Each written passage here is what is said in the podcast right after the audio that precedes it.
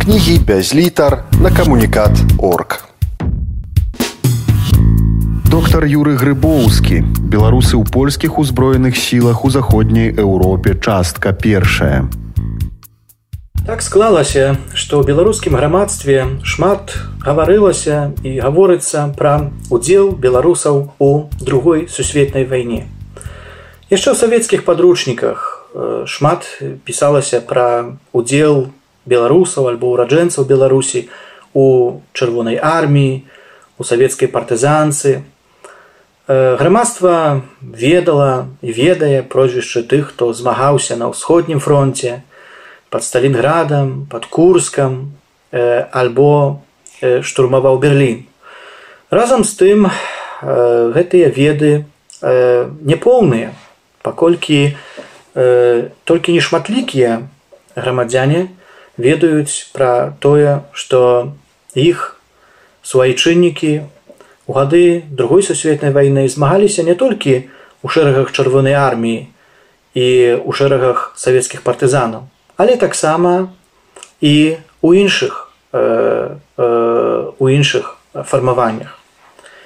Пры гэтым гаворка ідзе пра жаўнераў антыгітлераўскай каліцыі, якіх лёс закінуў на чужыну, якіх лёс закінуў на захад. Сёння мы паговорым пра удзел беларусаў у баявых дзеяннях на заходніх фронтах другой сусветнай вайны. Кажучы пра гэта ўдзел, нельга не ўзгадаць пра тое, якім чынам тысячы беларусаў і жыхароў беларусі апынулася на захадзе, напрыклад у, у, у, у францыі у Англіі альбо яшчэ ў іншых частках света, напрыклад, у паўночнай Афрыцы і там брала ўдзел у змаганні з э, войскамі нямметчыны і Італіі. Гэта вельмі цікавая разам з тым складаная гісторыя. Гісторыя, якая прывяла тысячы беларусаў у шэрагі войск заходніх альянтаў заходніх альянтаў. Першую чаргу тут трэба сказаць што кажучы пра удзел беларусаў у войсках заходніх альянтаў мы маем на ўвазе удзел у польскіх узброеных сілах на захадзе. Гэта рэгулярныя войскі якія падпарадкоўваліся польскаму ураду на выгнанні якія фармаваліся у перыяд другой сусветнай вайны у розных месцах. Між іншым на тэрыторыі Вкабрытаніі на блізкім усходзе але таксама на тэрыторыі першапачаткова на тэрыторыі ссср у савецкай гістарыяграфіі у дачыненні да жаўнераў вось гэтых войскаў ужывалася назва андерсаўцы. Андерсаўцы перадусім таму, што яны атаясамліваліся з прозвішчам генерала Владыслава Андерса, які быў спачатку камандзірам польскай арміі у ССР, а потым другога польскага корпусу, які змагаўся у гады вайны ў Італіі. Гэта назва з часам набыла такое адмоўнае значэнне. Таму што у савецкі час, у камуністычны час Андерс лічыўся ворагам і адпаведна людзі жаўнеры, якія служылі служылі у, пад яго камандаваннем таксама залічваліся да такіх. Гэта была вялікая крыўда для людзей, для тысячаў людзей, у тым ліку для тысячаў беларусаў, якія самахвярна і гераічна змагаліся на заходніх фронтах вайны. Змагаліся з тым самым ворагам, з якім змагаўся і Савецкі Саюз. Гэта былі жаўнеры кааліцыі антыгітлераўскай кааліцыі. Жаўнеры, якія змагаліся супраць нямметчыны і яе хаўруснікаў. Але вось гісторыя склалася так, што на бацькаўшчыне яны працяглы час былі занядбаныя забытыя.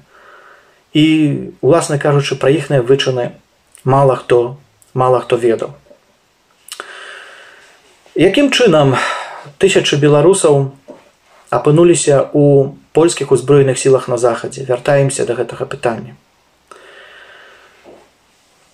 польскія ўзброеныя сілы на захадзе фармаваліся як я ўжо сказаў раней у розных частках у розных частках свету.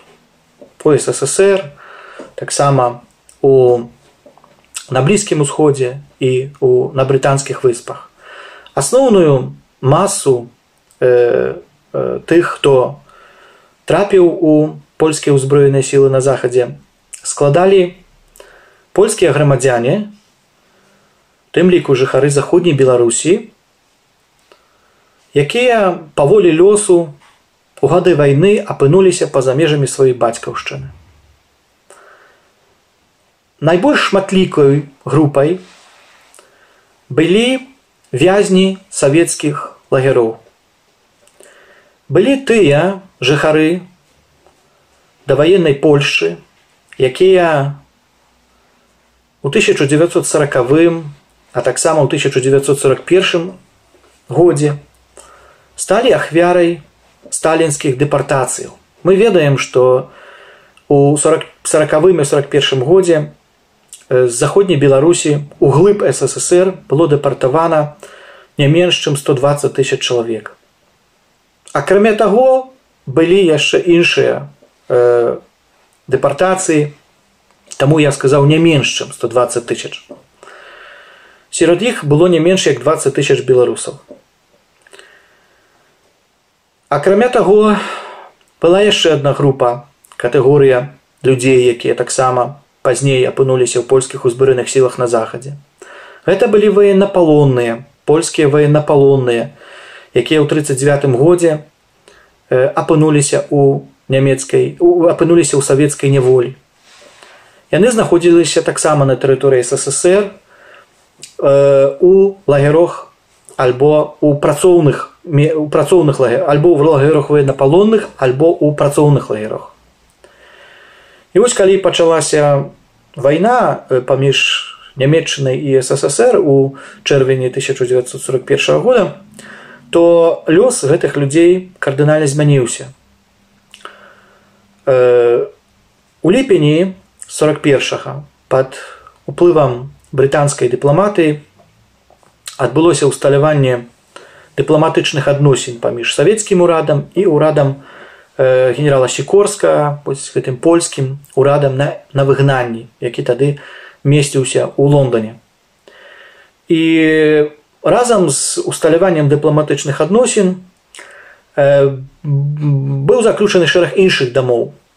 Сярод іх была заключана вайсковая дамова якая прадугледжвала стварэнне на тэрыторыі ссср польскага войска у якое мелі заклікаць менавіта вось э, лю, э, дзве гэтыя катэгорыі вышэй згаданыя мной катэгорыі. Тых хто быў дэпартаваны і тых хто знаходзіўся ў палоне. Да сярэдзіны 1942 года э, у вось гэта польскае войска якім камандаваў генерал владислав андерс было заклікана ну больш як 70 тысяч э, жаўнераў. Гэта былі добраахвотнікі выключна добраахвотнікі ніхто туды не змушаў нікога ісці. Для тысячаў десяткаў тысяч людзей вязняў сталінскіх лагероў военнапалонных гэта быў адзіны шлях на волю адзіны адзіная магчымасць, каб вырвацца са сталінскага савецкага пекла. Гэта уступіць у шэрагі польскага войска. Таму не было праблемы з жадаючымі. Праблема была іншая. Было столькі шмат, што вайсковыя камісіі не былі ў стане усіх іх прыняць. Больш за тое, савецкі бок рабіў усё магчымае, каб не дапусціць да удзелу беларусаў і украінцаў у фармаванні гэтага вось польскага войска под камандаваннем генерала андерса сталін лічыў што савецкія грамадзяне а паводле дамоўленасці польска-савецкай у польскае войска маглі заклікацца толькі польскія грамадзяне такія вось разыходжанні назіраліся ў перыяд фармавання польскага войска паміж савецкім і польскім камандаваннем. Гэта значна ускладняла э, прыймо беларусаў у шэрагі польскага войска. Але тым не менш, тым не менш шмат каму удалося ўсё ж пераадолець гэтыя штучныя савецкія перашкоды і далучыцца да польскіх фармаванняў. У сярэдзіне 1942 года польскае войска было эвакуавана з ССР э, у Іран, э, дзе распачалася такая вялікая вандроўка э, жаўнераў э, праз Іран, Ірак, Палестыну, Егіпет, ажно у Еўропу. У 43 годзе вось тыя жаўнеры якія уступілі у польскае войска под камандаваннем генерала андерса былыя вязні сталінскіх лагероў у 43 годзе апынуліся у італіі дзеля таго каб узяць удзел у вызваленні гэтай краіны ад э, тады ўжо нямецкай акупацыі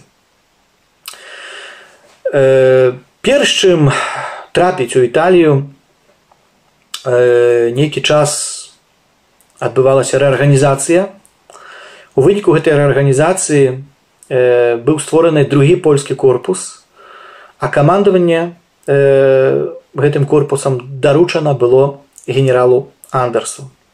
Таму вось яшчэ раз вяртаемся да гэтай назвы андерасаўцы. відаць таму андерасаўцы, што сапраўды як бы ўвесь час генерал Андерас браў удзел у фармаванні гэтых адзінак і камандаваў камандаваў імі. Беларусы ў польскіх узброеных сілах у заходняй Еўропе. Частка першая чытае доктар юры грыбоўскі. Першым перайсці да удзелу беларусаў у італьянскай кампаніі якая распачалася напрыканцы 43 -го года і доўжылась доўжылася аж да вясны 45 -го года. Трэба адзначыць што э, застаецца невызначаная да сённяшняга дня лічба беларусаў якія апынуліся у складзе польскіх адзінак якія эвакуаваліся з ссср у іран. э, паводле адных падлікаў іх было ўсяго некалькі некалькі сот там 700-800 чалавек. Паводле іншых было ўжо некалькі тысяч. Я схільны лічыць, што ўсё ж іх было значна больш. Чаму? Таму што тыя статыстыкі афіцыйныя, якія безумоўна існавалі, яны не адлюстроўваюць сапраўднай карціны, не, не, не адлюстроўваюць як бы сапраўднай э, сапраўдных лічбаў. Як я адзначыў, не так лёгка было трапіць у польскае войска на тэрыторыі ссср савецкі э, саюз перашкаджаў гэтаму таму як бы многія беларусы просто э, хаваліся так яны падавалі э, не падавалі свайго беларускага э, паходжання хавалі яго тому что толькі такім чынам маглі уступіць у гэта войска і толькі такім чынам маглі пакінуць э, савецкі саюз краіну якая зрабіла ім такую вялікую крыўду. Вяртаючыся да э, італіі вось мы ўжо э, у італіі э, напрыканцы 43 -го году адбылася высадка альянтаў у італіі. Сярод тых хто э, апынуўся на італьянскай зямлі былі жаўнеры другога польскага корпуса под камандаваннем генерала андерса і у шэрагах гэтага корпуса знаходзіліся таксама прадстаўнікі беларускай нацыянальнасці. Наогул корпус быў э, калі казаць пра пра нацыянальнае паходжанне пра веравызнанне жаўнераў то быў вельмі разнастайны вельмі стракаты. Там былі прадстаўнікі розных нацыянальных групаў. Усіх тых хто як бы быў грамадзянінам польшчы да у міжваенны перыяд. Як я сказаў на пачатку беларускае грамадства ведае пра вычыны сваіх свайчыннікаў на ўсходнім фронте так? Напрыклад под москвою ці ці под сталінградам ці яшчэ дзе. А вось што тычыцца што тычыцца э, удзелу э, у баях на захадзе то тут ужо сітуацыя на, на жаль э, на жаль іншая. На жаль іншая. А італія італьянская кампанія нам вось паказвае што беларусы сапраўды вельмі гераічна змагаліся у не толькі на ўсходніх фронтах, але таксама і на заходніх фронтах. У Італіі польскі корпус, другі польскі корпус браў удзел у найбуйнейшых баталіях. Сярод іх належыць тут вылучыць асобна відаць усё ж бітву за Монтэкасіна. Монтэкасіна гэта назва, якая вельмі вядомая у Польшчы, вельмі вядомая на захадзе чаму? Таму што э, у траўні 44 -го года э, вось у раёне касіна гэта узвыша э, горны вельмі горны раён э, звышша касіна з'яўлялася ключовай э, часткай нямецкай абароны. Э, немцы стварылі там умацаванні якія зачынялі дарогу на рым якія не дазвалялі войскам заходніх аўруснікаў рухацца далей на поўнач да сталіцы італіі. Баі за гэта ўзвышша распачаліся яшчэ на пачатку 44 -го года. Бралі ў іх удзел канадскія жаўнеры брытанскія жаўнеры інду індыйскія жаўнеры французы але ўсё гэта было безвынікова. Все гэта было безвынікова і вось толькі у траўні 44 -го года удалося нарэшце праламаць нямецкую абарону у раёне касіна. Тым ча тым самым прымусіць немцаў адыход да адыходу. І тым самым як бы адчынілася дарога далей так дарога можна было далей працягваць наступ на поўнач. І, і, і дзякуючы гэтаму у войскі брытанска-амерыканскія войскі неўзабаве занялі рым. Так занялі рым. А чыя як бы галоўная заслуга чаму мы так кажам про гэта монтэкасіна так галоўная заслуга польскіх жаўнераў была ў тым што менавіта жаўнеры генерала андерса узялі ўдзел у гэтым рашучым наступе. Наступе які канчаткова як канчаткова праламаў нямецкую абарону. і і схіліў шалі вайны шалі гэтай гэтай бітвы на карысць заходніх заходніх альянтаў. Жаўнеры другога корпусу бралі ў гэтым непасрэдны ўдзел і бралі ў гэтым галоўны галоўны удзел галоўны цяжар баёў менавіта спачываў на іх на іх плячах. У той час калі калі распачыналіся баявыя дзеянні. У складзе другога польскага корпуса знаходзілася як мінімум некалькі тысяч беларусаў. І у большасці яны таксама узялі непасрэдны ўдзел у штурме вось у гэтым наступе. У польскай літаратуры і гістарычнай але таксама мастацкай літаратуры вельмі шмат сведчанняў сведчанняў удзелу жаўнераў генерала андерса ў бітве за монтакасіна про гэта пішуць про гэта ведаюць. А вось беларусы про гэта мала ведаюць нягледзячы на тое што таксама бралі у гэтым у гэтым удзел. Працяглы час бітва за монтекасіна была вядомая толькі беларусам якія жылі на захадзе.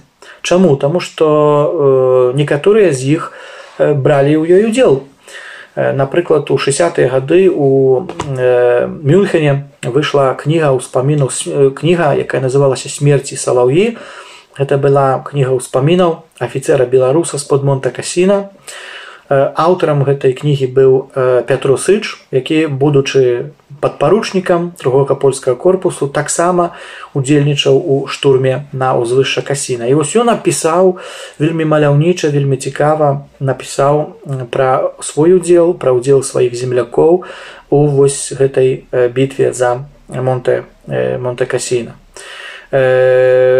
Пазней пасля вайны э, таксама беларускія мігранты бралі ўдзел у ушанаванні памяці герою Монтакасіна. Напрыклад, у 79 годзе беларускія камбатанты на захадзе нават выслалі такую адмысловую дэлегацыю, якая склала кветкі на могілках вайсковых могілках Монтакасіна, дзе пахаваны ў тым ліку і беларусы. Дык вось толькі на захадзе фактычна пра гэта ведалі на бацькаўшчыне пра герояў Монтакасіна мала хто мала хто ведаў. На жаль.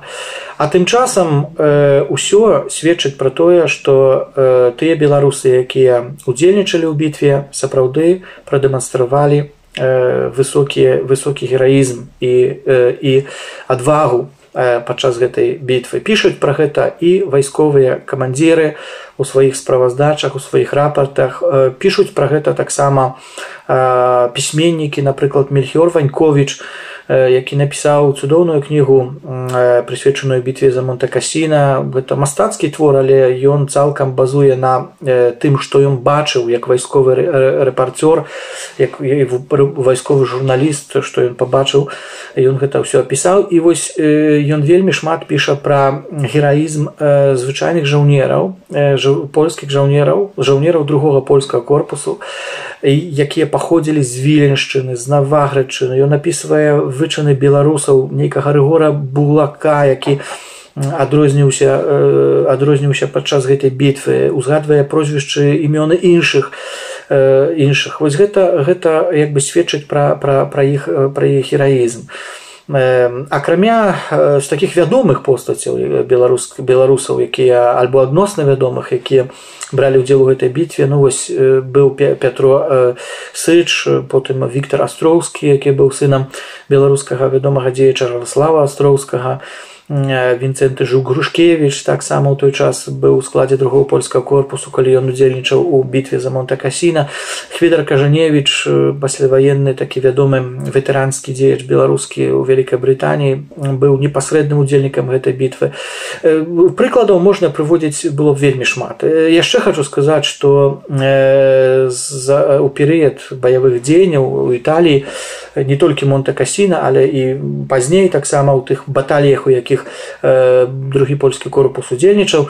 Вельмі шмат беларусаў было адзначаных э, з, з, з рознымі ўзнагародамі вайсковымі ўзнагародамі у прыватнасці крыжам змагарных гэта гэта вельмі высокая ўзнагарода жаўнерская ну і вертуці мілітары так крыж ваенна вертуці мілітары гэта вышэйшая вайсковая ўзнагарода якую можна было атрымаць у польскім войску за баявыя заслугі. Былі сярод беларусаў кавалеры таксама вертуці мілітары напрыклад э, э, леонид федарук так падпаручнік леонид федарук які загінуў таксама у, у італіі так што гэта гэта як бы сведчыць усё пра тое што беларусы беларусы пазначылі сваю прысутнасць у італіі падчас італьянскай кампаніі падчас вось гэтых баявых дзеянняў на апенінскай паўвыспе.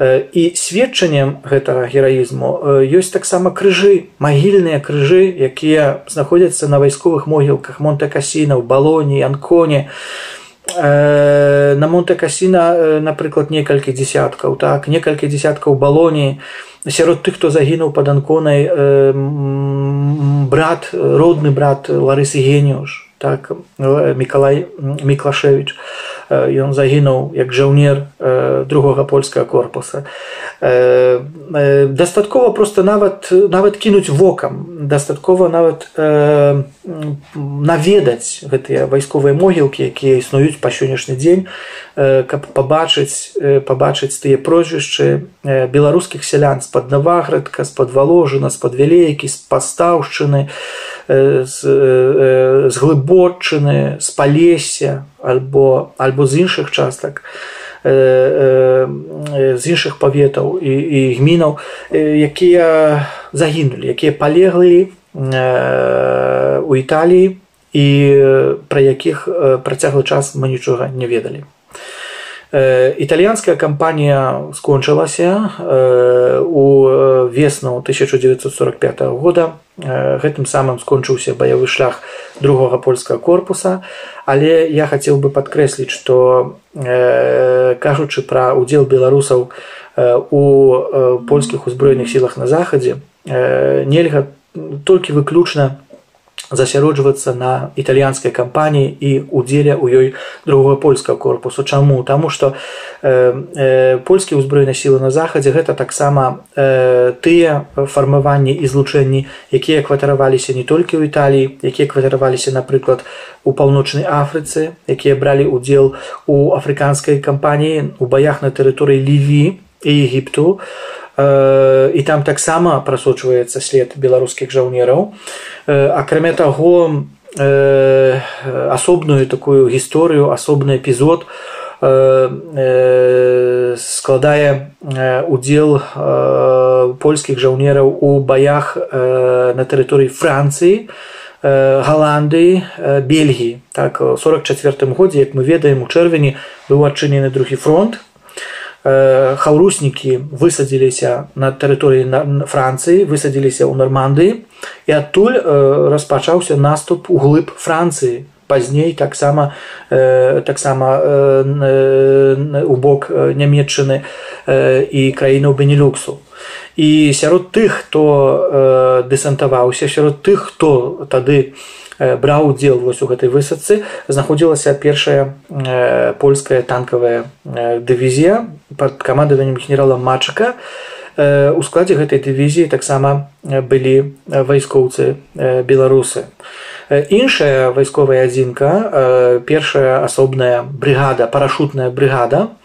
брала удзел у 44 годзе аперацыі маркет гарден это такая была няўдалая аперацыя але вельмі вялікая вельмі буйная паветрана-дэсантная аперацыя заходніх хаўруснікаў на тэрыторыі галанды Вось і там таксама ў шэрагах гэтай першай асобнай парашутнай брыгады таксама змагаліся змагаліся беларусы. Змагаліся прадстаўнікі розных нацыянальнасцяў так і ў тым ліку і і беларусы я маю шмат прозвішчаў шмат сведчанняў іх удзелу у, у баях на захадзе і пад, і ў часе аперацыі маркет гарден і падчас вызвалення францыі падчас вызвалення галанды потым падчас баявых дзеянняў на тэрыторыі заходняй нямметчыны так паўсюль вось паўсюль як бы паўсюль былі былі беларускія вайскоўцы побач з вайскоўцамі іншых іншых нацыянальнасцяў сваю прысутнасць яны пазначылі як я уже сказаў на могілках і ў францыі у галандыі шмат мест дзе яны пахаваны.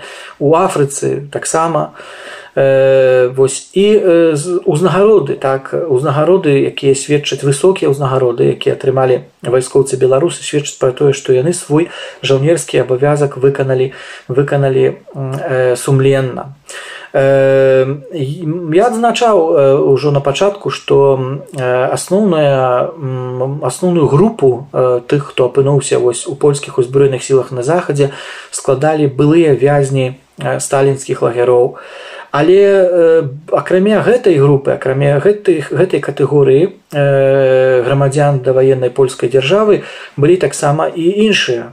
Тут асобна хацелася вылучыць такую трошки можа экзатычную групу якую называлі э, такі на ну, часамі неафіцыйна называлася аргентынцы. Аргентынцы. Чаму аргентынцы? Таму што э, яшчэ да вайны у 20-30 гады вельмі шмат польскіх грамадзян эмігравала ў паўднёвую паўднёвую Амерыку у першую чаргу у Аргентыну.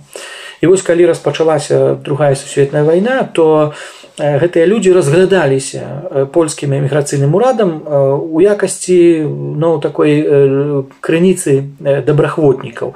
Так гэта была база, дзе можна было можна было папаўняць папаўняць шэрагі польскіх вайсковых адзінак на захадзе.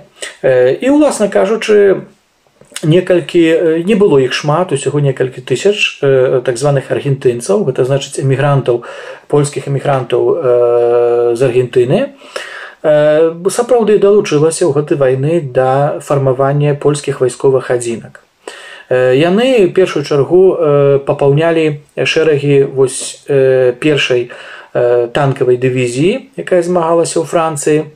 Служылі таксама ў вайскова-марскіх і вайскова-паветраных сілах. Аргентынцаў было няшмат але яны былі вельмі прыкметнымі адрозніваліся сваімі паводзінамі ад рэшты вайскоўцаў. І трэба адзначыць што таксама характэрнай рысай гэтай групы аргентынскай так бы мовіць быў была нацыянальная стракатасць сярод іх быў вельмі значны адсотак прадстаўнікоў не прадстаўнікоў нацмі нацменшасцяў у тым ліку беларусаў тым ліку беларусаў некалькі сот беларусаў як бы прыехала з аргентыны у еўропу каб змагацца з нямметчынай у складзе польскіх узброеных сіл на захадзе гэта асобная група асоб якая заслугоўвае асобнай гісторыі асобнай размовы.